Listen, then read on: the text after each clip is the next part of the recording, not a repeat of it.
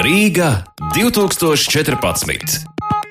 Eiropas kultūras galvaspilsētas informācija. Rīgas kā Eiropas kultūras galvaspilsētas gads tuvojas izskaņai. Rīga 2014 veidotā programma šogad visai Latvijai ir devusi praktisku labumu gan no starptautiskās atpazīstamības, gan tautsēmniecības viedokļa.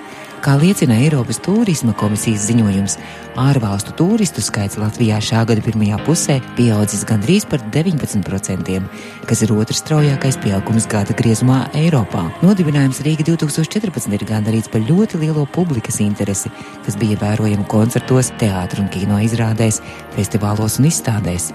Šogad Rīga 2014 projektus apmeklējuši jau vairāk nekā pusotra miljona interesantu. Lielu rezonanci izsauca ekspozīcija Stūra māja, lieta numur 1914-2014, kuru dažos mēnešos skatīja vairāk nekā 45 tūkstoši apmeklētāju.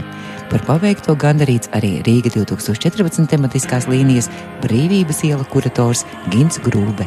Kultūras galvaspilsētā brīvības ielā man šķiet vislielākais notikums, kurš atstās sekas, manuprāt, vēl uz nākamajiem gadiem. Tas, ka mums izdevās atvērt stūra māju, piepildīt ar saturu un uzsākt diskusiju, ko šo ēku darīt tālāk. Tas ir ļoti būtisks pavērsiens, uz ko mēs gājām vairākus gadus.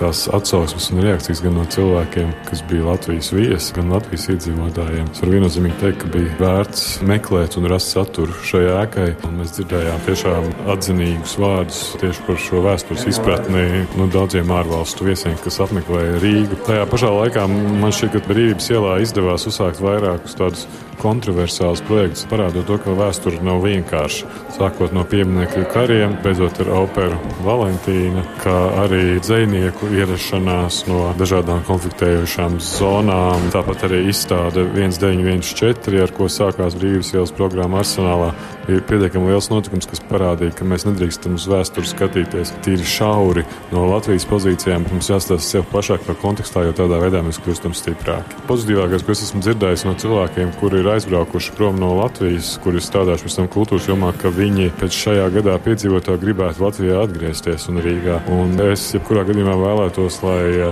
tas pacēlums, kas tika radīts, kas radās, un to radīja paši cilvēki, protams, pateicoties finansējumam, un talantiem un idejām, ka tas tiktu izmantots kā būtisks resurss, nevis aizmirsts, un ka mēs par nerunājam par to, ka tā ir kaut kāda pagātne, kas bija tur 2014. gadā, bet tas ir kaut kas, kas turpinās.